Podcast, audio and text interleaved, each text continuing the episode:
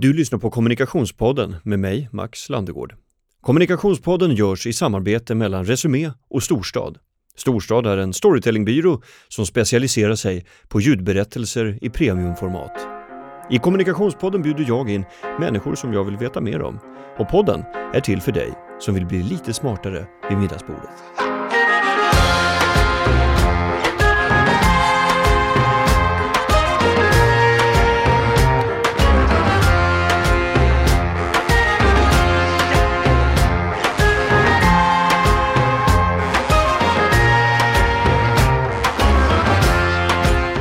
Eh, Patrik Kampman, eh, delägare och medgrundare till eh, byrån Volontär. Välkommen till Kommunikationspodden. Tack så mycket. Du, ni har varit igång sedan 2009, Mm. tio år i år. Mm. Vad, var, vad är Volontär idag som det inte var 2009? Ja, alltså vi är ju eh, lite större förstås och vi är ju etablerade.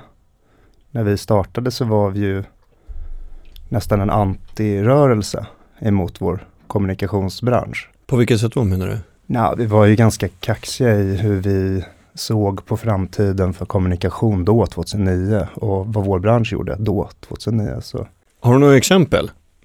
För de som har svårt att fräscha upp minnet för hur branschen såg ut 2009. Det känns ju som tio år i, i, en, i en livstid men då var vi ju i en situation att eh, 2009 så var det en situation där alla de nya kanalerna som är helt självklara idag hade blivit riktigt breda på riktigt. Så vi pratade ju mycket om att nå människors intresse och engagemang och låta dem få vara, eh, ja, rekommendera människor om eh, företagsprodukter. Och, så vi pratade mycket om hur man kan förtjäna människors intresse och rekommendation och lojalitet utan att gå via avbrottsmedia som traditionella monologkanalerna var. Och det är ju inte alls så idag. Idag är det ju självklart att alla jobbar i ja, omnichannel. Men du, var, varför gick du in i ett eh, samarbete med dina kollegor? Ni var, var, var det åtta eller nio delägare från början som drog igång det? vi var nio, men Ja. eh, Malin som var med och grundade var mammaledig ganska direkt. Så Mm. hon kom liksom tillbaka. Så, så vi var nio som grundade, sen var vi åtta första året, sen blev vi nio igen och sen så växte vi. Eh, varför gick du in i det? Vad, vad, vad såg du framför dig när du, när du sa, nej men jag är på, vi kör. Alltså jag hade ju jobbat i, i kommunikationsbranschen och på, på det som mer traditionella reklambyråer sedan 90-talet. Och eh, jobbade på Publicis som ett franskt stort nätverk. Och hade väl de senaste åren där innan 2009 mer och mer sett eh, liksom hopplösheten i den traditionella metoden. Att köpa sig tillträde dyrt eh, för döda näthinnor i kanaler som ingen tittar på. Eller på sidor där adblocksen fanns. Eller, eh, så väldigt mycket den här reklamens metod var, vi väl, eh, var jag ganska uppgiven inför. Och så började vi tänka redan där på slutet eh, innan vi startade Volontär. Flera av oss samtidigt, alltså även David och Filip. Vi, alla vi som startade Volontär från olika håll hade ju funderat på om inte företag istället skulle fundera mer på att förtjäna affären istället för att eh, göra reklam för affären. Så Mm. till exempel då göra intressanta produkter som förtjänade eh, eh, sina kunder. Och då blir det ju andra saker man gör, då är det serviceutveckling. Eh, Exakt, då gick Ja. ni in i liksom affärs och tjänsteutveckling ja, mer så. hos kunden. Ja, mycket mer så. Det är ju det som eh, senaste numret av Resumé Insikt eh, tar ju just den frågan under lupp hur man ska, ja det är väl en ständigt aktuell fråga hos Resumé i och för sig. Hur, hur byråerna ska överleva. Mm. Eh, men den, det känns som att den har blivit lite extra intensiv eh, nu under Q1 2019. Eh, med alla diskussioner om lågkonjunktur och Alltså inhouse, vi- vi- växande ja. inhousekultur och så. Vi föddes ju egentligen i rakt ur en lågkonjunktur. För Ja, det var ju Lehman Brothers-kraschen Ja. och sen kom ni liksom. Så det var precis subprime-kraschen. Och det första som hände där den hösten innan vi bör- startade Volontär, det var ju att eh, företag sparade in på det de eh, enklast kunde spara in på utan att de förlorade något. Och det är ju marknadsföringspengen. Och vi såg ju inte det som eh, något annat än berättigad kritik emot det vi levererade i form av värde. Så vi ifrågasatte ju mycket, framförallt mediaköp. Och liksom den stora, stora dyra delen av kommunikation som handlar om att lägga pengar bara på medieköp i kanaler som knappt var mätbara, eh, inte så effektiva.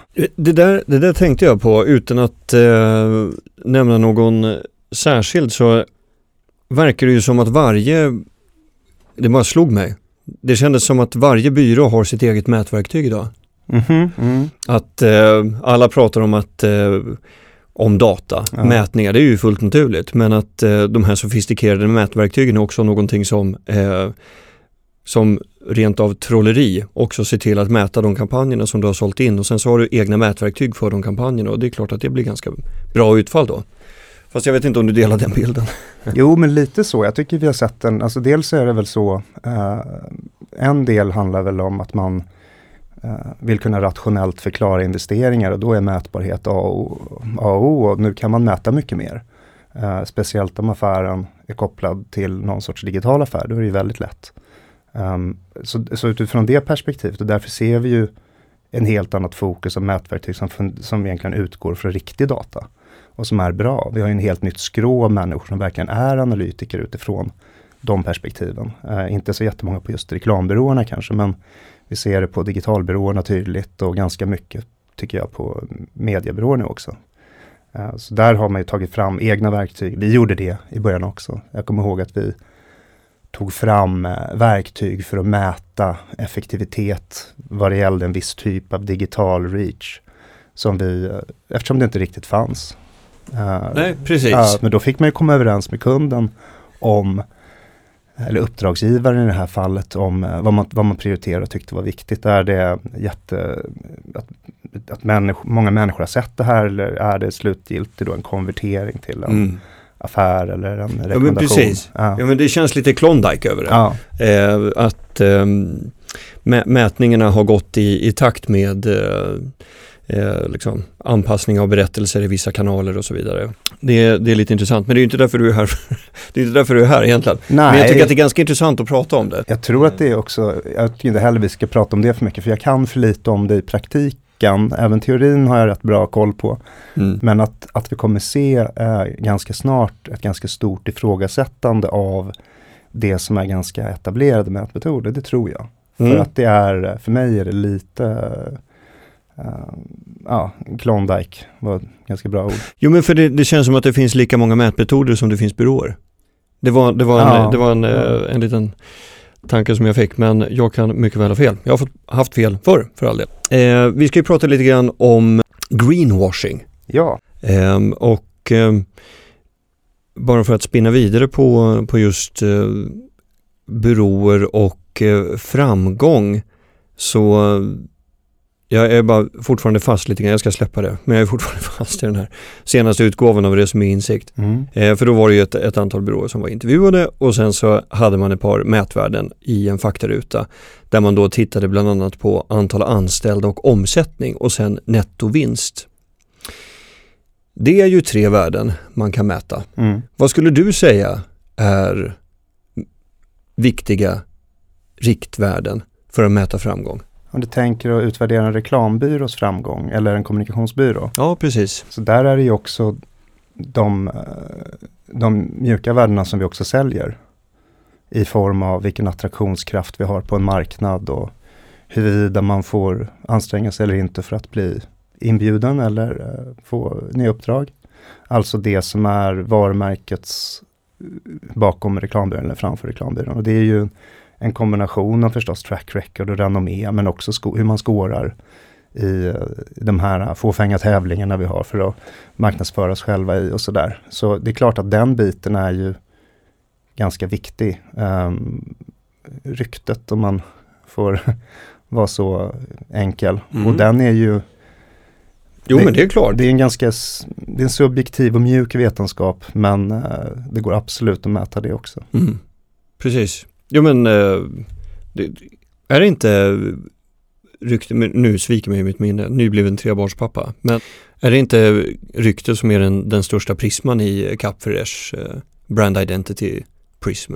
Mm. Det är väl det som, som, eh, som liksom är en, en stor prisdifferens. Mm. Att eh, det är ryktet som du kan, ja, ja, som du kan kapitalisera ja. på också. Och det krävs ju såklart väldigt mycket jobb för att, för att uppnå ett bra rykte. Det är inget som kommer Ja. av sig självt såklart. Det har ju så många, det har ju så många betydelser för det jobb man gör och det förtroendet man har, den rekommendation man ger och betalningsvilja, samarbetsformer, eh, hur pass intressant man är som arbetsgivare, hur lätt man har med nyrekrytering, ehm, vad man har för eh, eh, de värdena är ju någonting som, som, som är absolut avgörande i kommunikationsbranschen, så är det ju. Eh, jag skulle säga att de mera enkla affärsmässiga bedömningspunkterna som omsättning anställda, så de är ju, det är ju egentligen hy- hygien i sammanhanget. Men där är det problem nog för en bransch som i så hög utsträckning eh, eh, lite grann låtsas vara konsulter men egentligen är producenter eh, Mm. av och producerar innehåll. Och där är ju till exempel vi då inte haft någon stor ateljé eller haft någon produktionskapacitet på tio år. Så vi har ju inte kunnat så att säga ta betalt för gungorna. Och, Nej, just det. Eh, Men utan- tjänat in på karusellen ja, istället. precis. Utan Ja. då har man ju varit tvungen att försöka sälja det vi faktiskt ger och ta betalt för det istället för att försöka hämta in det på andra platser. Ja, men jag tänker Honesty gick ju ut och berättade att nu är de bara delägarna kvar. Eh, de Ja, har ju ja. gått från att vara en byrå med ganska många anställda, i alla fall jämfört med de tre som finns kvar nu. Alltså jag, jag, jag har faktiskt inte läst det, men jag, även om jag har följt Honesty de här åren i och med att vi har funnits ungefär lika länge. Eh, och om man frikopplar det från vad man kan tycka eh, på någon sorts kulturellt plan, huruvida man ska vara några delägare kvar eller vara en stor organisation, så känns ju upplägget de har valt som modernt. Att du eh, helt enkelt köper in, köper in det du behöver eh, istället för att ha det som en permanent eh, kostnad att bära. Och, så jag tror de, eh, jag tror de jag tycker inte det är så roligt. Eh, Jag, jag kan inte riktigt se det företaget som så jätteroligt eh, så sådär kulturellt. Men Mm. jag kan verkligen se skönheten i att man har förstått att ja, men man hittar en ny affärsmodell, en ny sorts sätt att ta betalt för det man säljer. Mm. Och, och det är ganska ärligt, eh, ironiskt nog med Mm. namnet också. Så jag har respekt för den eh, glidningen. Men bara för att få kläm på din roll på volontär, eh, vem är du i teamet när ni sitter och jobbar? Jag är strateg, eh, så jag gör ju grundstrategi och research och som planning eh, också. Ehm, jag har ganska mycket kundkontakt. Jag har ganska mycket, jag ganska mycket i hela processen, A till Ö. Ehm, jag skriver briefer, eh, kreativa briefer. Vi har ju en ganska rigid process på volontär, där man tvingas göra saker i en viss ordning, en metodik för att kunna få jobben bra över tid. Och, och den eh, processen är jag delvis ansvarig för. Eh, då som är den strategiska. Och vi sitter ju kvar mycket i, i processen längre in tror jag än den traditionella planen. Vi ligger, vi ligger kvar i den kreativa processen lite längre. Jag gör mycket presentationer. Eh, jag har mycket terapisamtal med kunder och medarbetare och, och sådär. Så, Jaha, ja. okej. Och sitter mycket med Keynote. ja, det är otroligt mycket i keynote. Ja. Du, ehm, nu kommer vi till mina frågor. Mm. Så här jobbar vi. Nu har vi pratat i 13 minuter.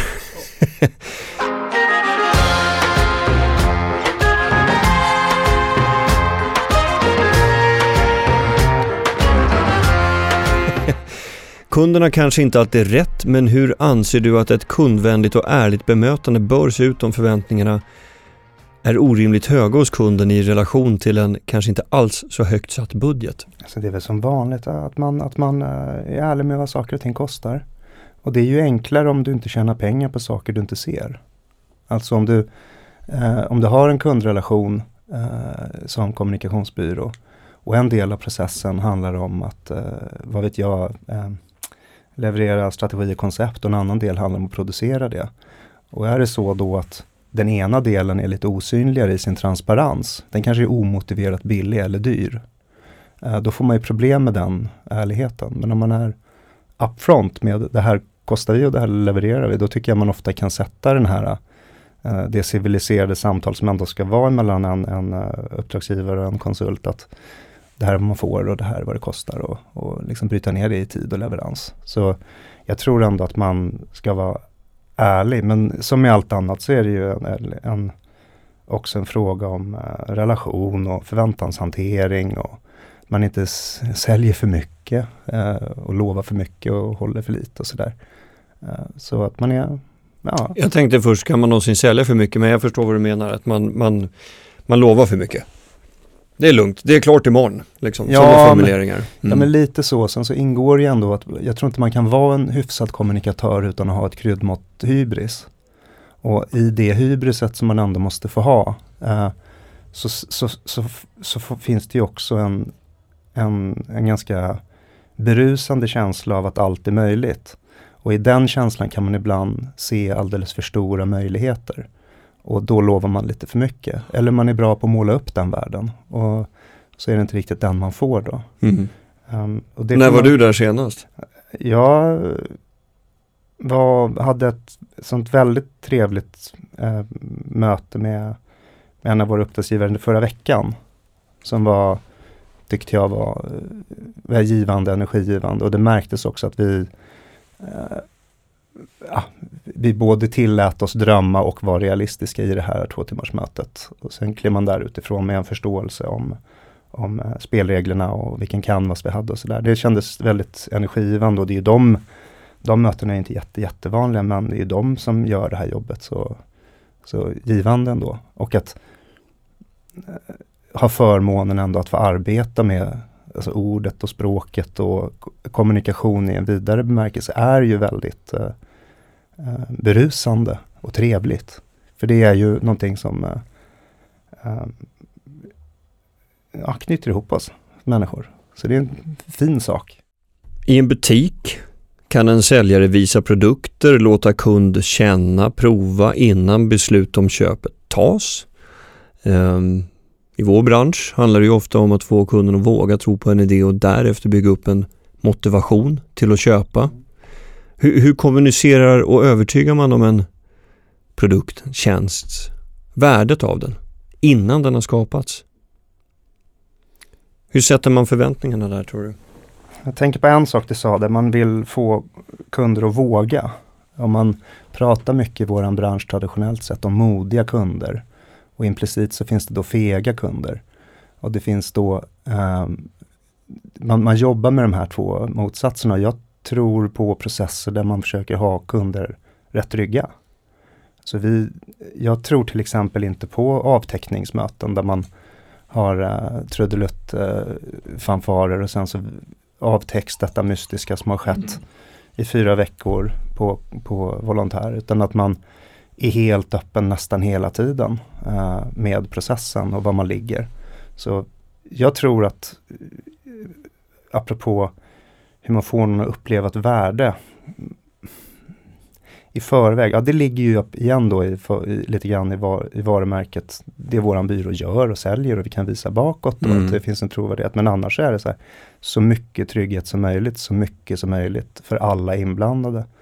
Eh, och även för oss på volontär att man som kreatör är, är, man nog, jag menar jag är ju snart hundra år gammal och medelålders men jag har ju, jag har ju tröttnat på att sitta i möten där människor eh, lite grann sådär som kreatör så ska du vara galen. Det är inte ett, ett, jobb att vara galen. Det handlar om slutledning och problemlösning och att klä saker och ting i, i, i, i kläder som någon förstår. Så vi vill ju inte försätta våra kreatörer i situationer där de får spela apa inför kund, utan vi vill att de ska få den roll och pondus som de har. Och då måste man vara öppen och visa process och då måste man kunna vara så här, visa sina jobb och inte jobba med prestige och um, så ganska mycket så här förutsägbarhet är jag ganska förtjust i och det får man inte säga i kommunikationsbranschen för då ska det alltid vara en, en kommunikativ krock. Men jag älskar idén om att man är överens om ett problem och om det problemet är det här, då är ju det här den uppenbara lösningen, eller hur? Mm. Ja, det är det okej, då går vi och, och utforskar hur det kan se ut, inte vad vi ska göra. Och då hamnar man aldrig att man går tillbaks till ritbordet och man sitter och skyller på fega kunder eller utan då är man, då är man vuxna ihop. Mm. Jag tror mycket på det. och jag tror att, att man upplever det som ett värde, den relationen också. Om man är, om man är så lagd som uppdragsgivare och kund. Eh, att man, om man tycker det är intressant att ha den relationen, då är det klart att man ser ett värde i, i det även i förhand. För man är ju en del av processen. Och vi har ju anställt ganska många av våra kunder. Det är ju ett, ett sorts, då har det ju gått överstyr. Eh, tagit, tagit in eh, medarbetare från kundsidan? Ja, men man har jobbat så nära varandra mm. under en lång tid och det blir ju så om du om du gör produktutveckling, tjänsteutveckling, serviceutveckling eller den typen av saker som vi tycker om, verktyg, bevis för löften, eh, då måste man jobba nära företaget och nära kunden och, och, ofta ihop på samma plats och så slutar det med att man jobbar ihop. Mm. På riktigt, och det ja. är rätt. Det är bra för ryktet också. Ja, det... Jag tänker på kundsidan. Ja, men precis. Ibland. Om, om jag har tur så kanske jag slutar här och börjar på volontär istället. Ja, precis. Så man kommer Ja. ja. men för det vet man ju på, på det, det, finns ju, det finns ju vissa då som, eh, som kanske hellre skulle sitta på, på byråsidan istället. Volontärby eh, har sin beskrivning eh, på hemsidan i ett stycke som lyder så här. Uh, when even sustainability becomes a la mode like content programmatic or customer journeys, it is high time to ensure the core of the brand. När jag läser det så tänkte jag så här, är det så är det så att ni väljer bort potentiella kunder utifrån det här? Det vill säga om ni anser att ett företag inte har saklig grund för det som ska kommuniceras ut? Ja, jag skulle säga att det, är, att, att eh, det har skett flera gånger. Sen är det väl inte alltid vi som väljer bort utan vi blir väl också bortvalda förstås. Eh, men vi har ju alltid varit en byrå som ställer ganska höga krav på att, att företag också kan leverera det de lovar. eh, oavsett vad det är. Och, och vi synar det i processen. Och det gör väl att man kanske inte kan komma igenom med alla sorters briefer och uppdrag. Men sen är det ju ärlighetens namn så att vi har ju funnits sedan 2009 och de första åren så var vi väldigt, uppfattades vi som väldigt duktiga inom det som då var sociala media, alltså det begynnande Facebook, innan det blev en enda stor reklamkanal bara. Uh, och Twitter och Instagram etc. etc. Och under den tiden så gjorde vi projekt, långsiktiga strategiska projekt som också fick oerhörd framgång och då kom det in människor genom dörren och ville ha samma sak. Och då är det inte säkert att det var det lösningen som de behövde. Och då har vi aldrig gjort samma sak bara för att en gång till. Så att och nu, för några år sedan så blev det intressant att arbeta med ett annat sorts eh, rekommendationsambassadörskap som idag är influencers. Och då gjorde ju vi eh, tidigt ett samarbete med Therese Lindgren i, eh, för Teknikföretagarna och använde henne eh, som ett bevis på att man kanske tittar på henne som om hon vore någonting annat än, än den civilingenjör hon är för att förändra bilden av vad teknik är. Då trodde alla att vi var experter på influencers. Men det är ju inte det lösningen är. Hon är en civilingenjör förvisso. Uh, och så vidare och så vidare. Mm. Så ja, vi har väl valt bort företag som kommer in genom dörren och vill ha samma sak för det har varit framgångsrikt. Um, vi vill lösa rätt problem och de är olika och då kan inte metoden vara samma.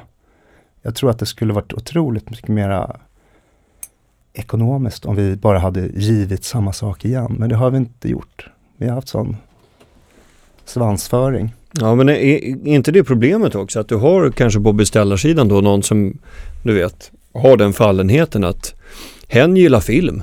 Ja.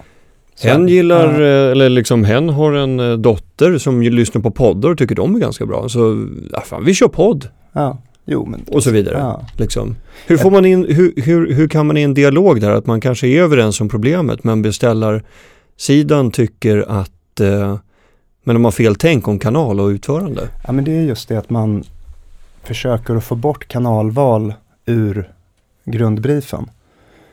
Uh, dels av den anledning som du nämner men också därför att om du får bort kanalval därifrån så försvinner också en jättestor del av uh, kostnaden uh, som medieköp kanalval är.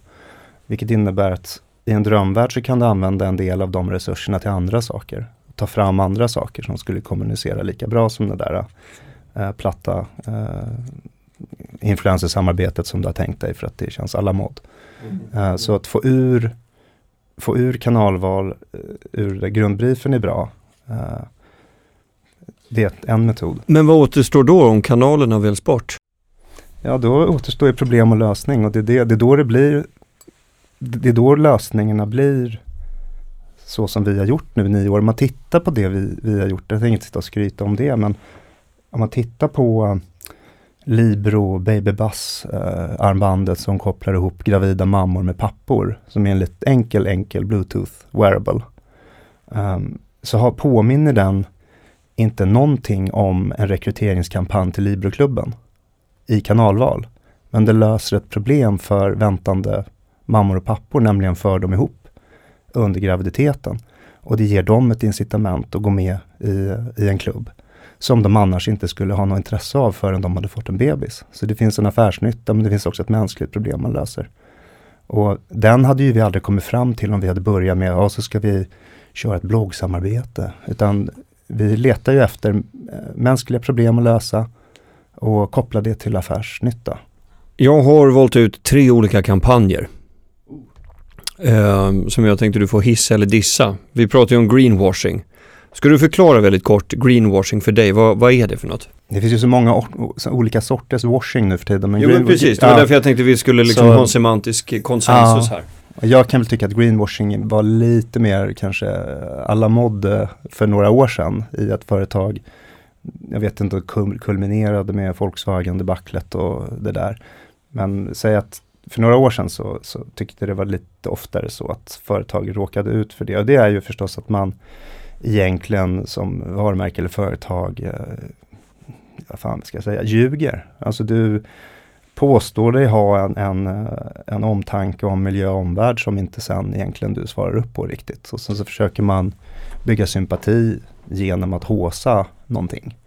Eh, mm. Och tvätta sin byk i uh, godhet. Eftersom jag inte kommer ihåg exakt innehållet av kampanjen ska jag inte säga vilken, vilken kedja det var som, uh, men det var ju någon retail. Jävligt känd kedja. Detaljvaruhandel. Uh, B2C-segmentet. Billiga grejer. Och vid kassorna, precis när jag kom ut, så såg jag en stor sån här event-banner som brukar hänga i Almedalen och Hultsfred och sådana grejer. En roll-up? Ja, alltså en sån där, de hade satt det på väggen liksom, 10 meter bred och 3 meter Aha. djup, mm. liksom lång. Så här. Och då stod det att eh, i år skänker vi 10 000 till den här eh, skolan i Nigeria. Mm. Var inte det greenwashing? Att man, det, det, är så lösryckt, för det är det det är för mig menar jag bara. Ja, men då, då är jag men det på, kanske är en annan ja, det, nej, grej. Då, då är jag helt med på vad du menar, för jag tycker också att det är mera där vi har nu, alltså det som är att man Eh, greenwashing handlar egentligen då, det ska kopplas till miljö, men det vi ser nu som är trend är väl snarare företags eh, på, eh, påstådda godhet. Som handlar om att man på olika sätt jobbar med att visa upp sin människosyn. Och sen för att i förhoppningen att uh, uppnå sympati. Mm. Uh, och jag brukar kalla det på byrån för Jesus-tvätt. Uh, för jag tycker det är så osmakligt. Alltså, ja, det, det, blir märkligt liksom. Nej, men det är ju det, är ju, det, är ju det här ja, kulturkriget vi har, identitetspolitiska trenden som såklart även syns i kommunikation. Absolut. Jag, så här, du är inte för, jag ska bara säga till lyssnarna också, du är inte förberedd på de här exemplen. Nej. Du har inte fått, jag ser att du börjar bli bekymrad nu här. men jag tittar nästan inte så mycket, eller jag tittar inte jättemycket på reklam. Nej, men jag, har, jag försöker beskriva det här nu på, mm. på ett sätt så att eh, det ska ju också vara tydligt för de som lyssnar som heller kanske inte ens har uppfattat det. Mm. Så får du liksom betygsätta det här och resonera lite grann kring vad ja. du tycker om det här. Är det här Jesus washing, är det greenwashing, vad är det för någonting liksom? Mm. Eller är det genuint och väldigt bra? Ja, just det. En grej kommer från, eh, inte alls för länge sedan, för ett par veckor sedan så hade vi ju eh, Vasaloppet. Det här kommer sändas nästa vecka, det är därför jag säger för ett par veckor sedan. För ett par veckor sedan så hade vi ju Vasaloppet eh, som gick av stapeln. Och eh, då hade vi eh, Anton Aronsson som eh, blev drabbad tidigt i livet av en sjukdom som har gjort att han är rörelsehindrad. Eh, och eh, han valde då på grund av det här engagemanget som han har fått upp eh, med, med, sin personliga historia så valde han att eh, eh, samla in pengar Mm. för att eh, högtidlighålla minnet utav en ung tjej som också hade gått bort nyligen i, i cancer Mm. när hon var väldigt, Mm. väldigt liten. Så eh, han åker på någon slags kälkanordning och stakar sig fram med, eh, det är en otrolig bedrift rent både fysiskt och själsligt Ja, kan jag ja, bara ja. föreställa mig. Eh, så han med, eh, bara med armkraft Ja. så tillryggalägger han hela det här loppet. Då. Så den, den prestationen är ju fantastisk. Eh, Bauhaus valde att tagga på det här. Eh, så eh, de ville eh, att användare i samband med att eh, Anton Aronsson uppdaterade sin Facebook med bilder från när han var ute och åkte. Det här lyckas han då uppdatera samtidigt som han stakar sig fram. Jag, jag var har sett bilderna så Det gissar jag att egen- det var inte en selfiepinne utan vi, vi pratar en medhjälpare Ja, ja. som, som tar bilder på Ja. honom och administrerar det där. För Mm. annars hade det Mm. varit en tredubbel bedrift faktiskt. Att dessutom var Facebook administratör ovanpå det här och liksom eh, köra nio mil på kälke. Så här, Bauhaus köper in sig på det här. Mm. Så varje gång Anton Aronsson uppdaterar att nu är jag här, liksom, Mm. bild på sig själv, nu kör vi. Så, så skriver Bauhaus så här, vi är stolta över vårt engagemang inom svensk idrott och nya talanger föds varje dag. Eh, hjälp oss samla in pengar till Barncancerfonden på ett swishnummer och kommentera med ett gult, en så här gul hjärta-emoji. Mm. Så skänker Bauhaus eh, 10 kronor per kommentar till Barncancerfonden. Mm. Och det här gula hjärtat, det var också favorit, gult var favoritfärgen Ja. på den här flick, som den här ja, ja. flickan som då hade gått bort. Eh, är det här bra? Är det långsökt? Eller tycker du att det funkar? Från Bauhaus initiativ. Jag, jag är inte Alltså, ute efter att det finns rätt och nej, fel men- svar. Nej, men jag, alltså jag, det, det, den här typen av mekanismer, att man, det finns ju något chokladföretag eh, som eh, gjorde något liknande också, där man ska skänka i, i proportion till interaktion på en, om det var en Facebook eller Instagram-post och sådär. Det är en ganska konventionell metod och den är ju vad den är. Uh, att jag tycker det, låt, det låter ju som uh, ja, ganska konventionellt och enkelt. Det låter inte speciellt cyniskt om man säger så. Uh, så när du beskriver det så här så tycker jag att det låter rätt schysst ändå. Jag har svårt att se den direkta kopplingen till det Bauhaus håller på med och den här typen av eh, sponsorskap.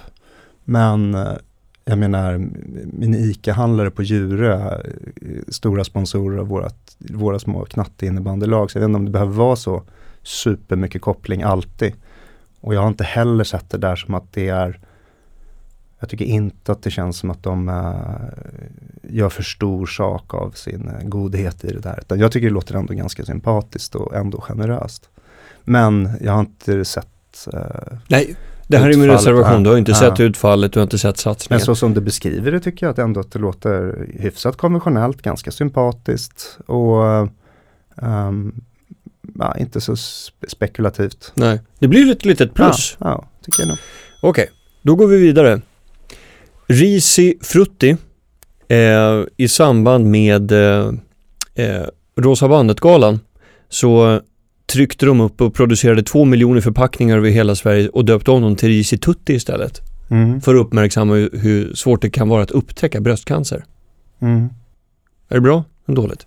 jag personligen tycker jag att det är, alltså hela den, och gud jag tycker det är tantigt. Det är töntigt. Ja. Okej. Ehm, Trams. Ja, jag har svårt att se kopplingen till det där och eh, frågan om driver och det är en ordlek. Eh, jag kan se att man tyckte det var en kul och härlig idé när man fick den och den blev Mm. genomförd. Och jag tror inte att det, det har inte förstört min bild av risifrutti. Så det är inte så, tror Nej. jag. Eh, men kan, jag kan tycka att det finns jag tycker det är lite tramsigt, men jag är ju liksom en, jag vet inte, jag tycker det är lite tramsig ordlek. Ja. Det är liksom, jag kommer, jag kommer inte ifrån det. Sen om de Nej. vill lyfta ett, ett stort problem under, jag vet inte. Det går, jag tycker också att det gått inflation i, i, i den där typen av till krystade samarbeten. Ja, Jag ordvitsar såg, menar ja, du, men jag eller? såg någonting här igår tror jag. när ACO, eh, som alltså gör hudvårdsprodukter och tvål Mm. och sådär, Mm. eh, tillsammans med något, en samling influencers igen, eh, ville ta hand om Wash, wash the web, tror jag var konceptet, för att liksom jobba emot näthat. Och då har man rengöringsprodukter och så ska man tvätta nätet rent från näthat ihop med influencers. Och man är ACO. Alltså jag, jag går lite sönder inombords av den där typen av Ja. kopplingar. Va- varför då? då? Krystat, långsökt. Det har väl alla, alla liksom, eh, apropå inte greenwashing, men det jag skulle tycka är lite Jesus-tvätt. Man, man eh, vill associeras för att stå för bra saker. Det är ingen som inte, som inte tycker om, eller tycker om människor som är emot eh, troll och näthat förstås. Um, så motsatsen är omöjlig eh, att tycka. Eh, ja, alltså jag tycker att det devalverar frågan om näthat. Så illa tycker jag det är. Mm. För att det är människor, nu har inte jag sett igen den kampanjen riktigt igenom, för att vad jag förstår så pratar de här människorna om näthat som de själva har varit utsatta för. Och all, liksom all förståelse och empati för det de är drabbade av förstås. Mm, absolut. Utan det är just den här krystade kopplingen tvål, tvätta webben. Alltså, Det blir för, för tramsigt. Man relativiserar det ja, för mycket ja, eller? jag tycker att man devalverar Ja. viktiga frågor Mhm. genom att sälja tvål Mm, på dem. mm, Eh, det. jag tycker det här är viktiga frågor. Mm. Jag tycker det här samhället har problem med näthat. mm. Eh, jag är inte säker på att ACOs eh, Q2-siffror vad det gäller försäljning av tvål och, schampo hjälper den saken. Mm. Vi har en tredje. Men, men ris i tutte blir lite minus. Ja, det, det, är ju, det är ju tramsigt, men jag kan också tycka att hej, det är bara att det är bara spex. Det är ett mellanmål liksom. Ja, det är spex. och Det är spex. Ja, man Okej. får väl spexa, men Spex plus men ändå lite trams minus. det är trams minus. Okej, det är uppfattat. Eh, sista då. Eh, försvarsmakten. Med eh, Pride-kampanjen 2018. We don't always march straight. Men oavsett när, eller det här är ju från koppen då. Men oavsett när eller var vi marscherar står vi alltid upp för din rätt att leva som du vill. Med den du vill. Då hade ju Försvarsmakten en särskild Pride Mm, mm. Jag har ju fått både eh, ris och ros men övervägande positiv respons av det som jag kunde hitta i alla fall. Ja, men att, att Försvarsmakten står upp för ehm, vad jag tycker vårt samhälles värderingar vad det gäller att människor ska få älska vem de vill eh, och inte dömas utifrån det. Eh, att det är en del av det de försvarar. Att det är det som faktiskt är en del av uppdraget för en armé att försvara. Det tycker jag är fint och kopplat till, jag tycker inte att det är spekulativt. Jag tycker att det är de där eh, värdena som, jag tycker de kan jobba med det jättetrovärdigt och bra. Eh, sen, nej, jag tyckte, jag tyckte om det Mm. eh, när, jag, när jag såg det. Jag tycker de överhuvudtaget har jobbat med tanke på den knepiga uppgift de har kommunikativt. Jag menar det, det försvaret har att arbeta med är ju mångt och mycket kommunikation eh, mot en allmänhet Mm. att jobba med, med, med vår försvarsvilja och sin acceptans och i den här eh, tiden och då lyfta sådana här saker som är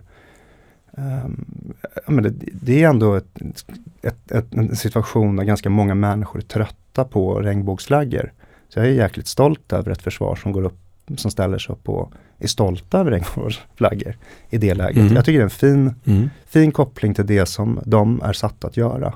Men har, har det inte med att göra att Försvarsmakten har en årlig reklambudget på 60 miljoner? Ja, jag vet inte om, jag tror att de, jag, jag, jag, jag vet inte om det har så jättemycket att göra med storleken på budgeten, även om jag ser en poäng. Däremot så tänker jag att, att det man har har- tid att hinna Ja. tänka och vara superagil och tweaka grejer fram och tillbaka Ja, liksom. ja, jo. Nej men absolut. Nej, men de, jobb, de har jobbat eh, seriöst, strategiskt och kreativt under flera, flera år tycker jag. Och eh, det ingår i deras uppdrag att, eh, inte greenwasha, men att ansluta sig till de positiva krafterna som vi har. Eh, och där tycker jag att tolerans, mångfald, inkluderande är en självklar det är att vara civiliserad, det är inte att vara så progressiv, det är att bo i Sverige. Och det ska man stå upp för. Och, Om man, eh, men om man däremot tittar då på siffror så har ju officersyrket varit ett otroligt bristyrke. Eh, Så trots att, och parallellt med det så har ju Försvarsmakten utav eh, nästan en enig kritikerkår inom reklam, PR, kommunikation eh, hyllats för sin, eh, sin framåtsyftande och mm. väl genomtänkta kommunikation. Men det är ju ingen som vill bli officer i alla fall. Nej, så du, det, du har liksom på den... I det ena lägret utav reklamare tycker jag fan vad bra de är liksom. Mm. Men det är ju, det, når den fram till de som man som ändå kan överväga att, att bli officerare? Jag tycker de, har, de gör ju så många saker som du poängterar. En del av uppdraget, jag jobbar ju inte med dem. Har inte Nej, jag heller, vet. Nej, jag Nej det ska vi säga. Men jag har bedömt dem faktiskt i 100 wattan för några år sedan. Uh, mm. Så då såg jag ett längre, fick jag sätta mig in i ett längre okay. case. Där. Men de har ju så tydliga uppgifter med kommunikationsinsats där en del kanske handlar om att och rekrytera mer och göra sig mer attraktiv inför den typen av grupper som till exempel officerare. Så det är en annan del som de har gjort eh, på ett lite annat sätt. Men det som är sorgen och, sorgen och genialiteten med försvaret är väl att deras, som sagt, deras vapen är ganska stor, till ganska stor del handlar om kommunikation. Uh, vi, vi håller på att bygga, återbygger vårt, vårt försvar, militära försvar. Mm. Och i väntan på det så har ju de en viktig uppgift i att egentligen ja, stärka svenska folkets eh, inställning till mm. vår försvarsvilja och skapa, skapa acceptans. Ja, mer som en, ett opinionsverktyg ja, menar du? och, mm. och då, att i, det, i den kontexten göra det baserat på värderingar tycker jag är elegant och mm. modernt. Mm. Det, det, låter som att Försvarsmakten får ett plus. Ja, det tycker jag. Ja. Det är fint. Men eh, för, om man då som eh, organisation, varumärke vill undvika att bli anklagad för greenwashing, hur ska man tänka då, då Patrik?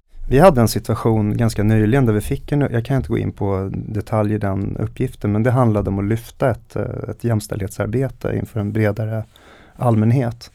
Och vi... Eh, Åt en organisation Ja, då. och vi mm. belös väl eh, problemen med att göra det. Utifrån just vad man själv kan leverera. Och vad det kan leda till för scenarion. Ja, du menar att kunden inte var jämställd? Ja, eller, ja, eller ett, inte, i alla fall inte tillräckligt hög grad för att uh, ringa, Var sålt över? Ja, mm. uh, eller ringa in pukorna och trumpeterna kring det. Mm. Utan att det är smartare i sådana fall att lägga de pengarna och den energin på att faktiskt förändra sin egen leverans internt först. Och jag tror väldigt mycket att det är där uh, vi gör jättemycket intern kommunikation nu. Mm. Alltså mot företag som, som syftar till att kommunicera den här typen av frågor internt och få acceptans i organisationer.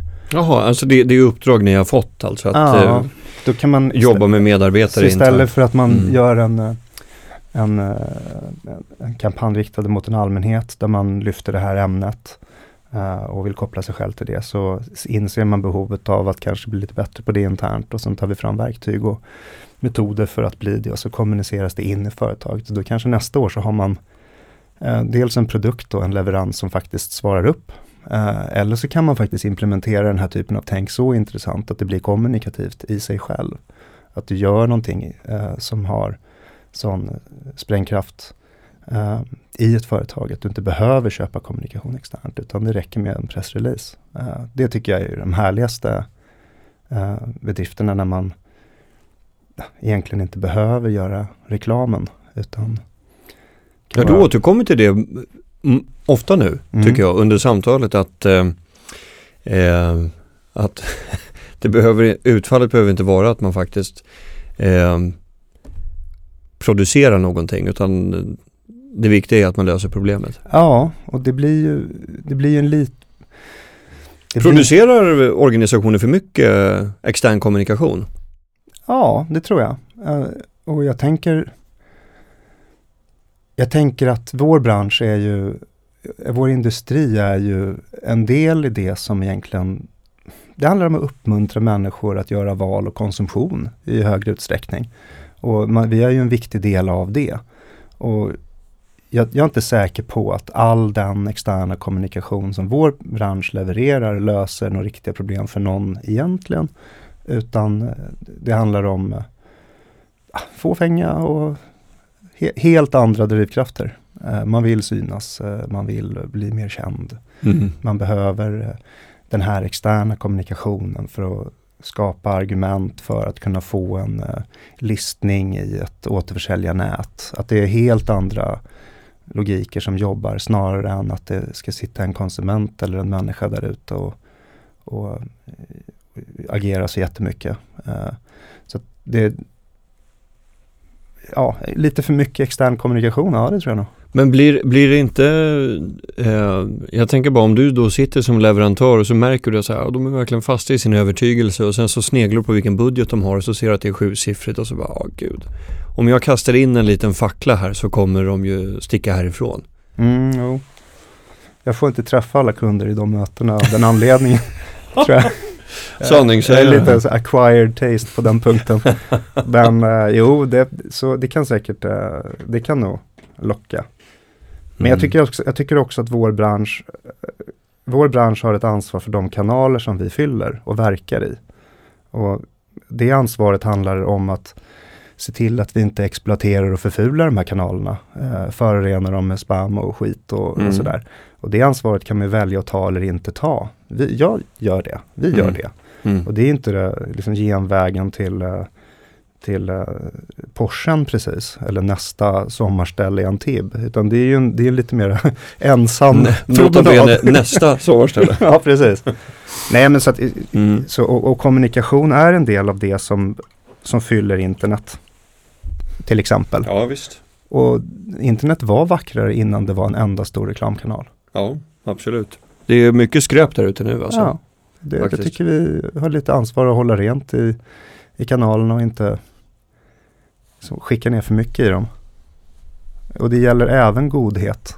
Om det är i formen av greenwashing eller godhetssignalering eller eh, sådär. För det går att kommunicera på så många sätt. Patrik Kampman, medgrundare och delägare i Volontär. Stort tack för att du ville vara med i Kommunikationspodden. Det var jättetrevligt att vara här. Tack så mycket.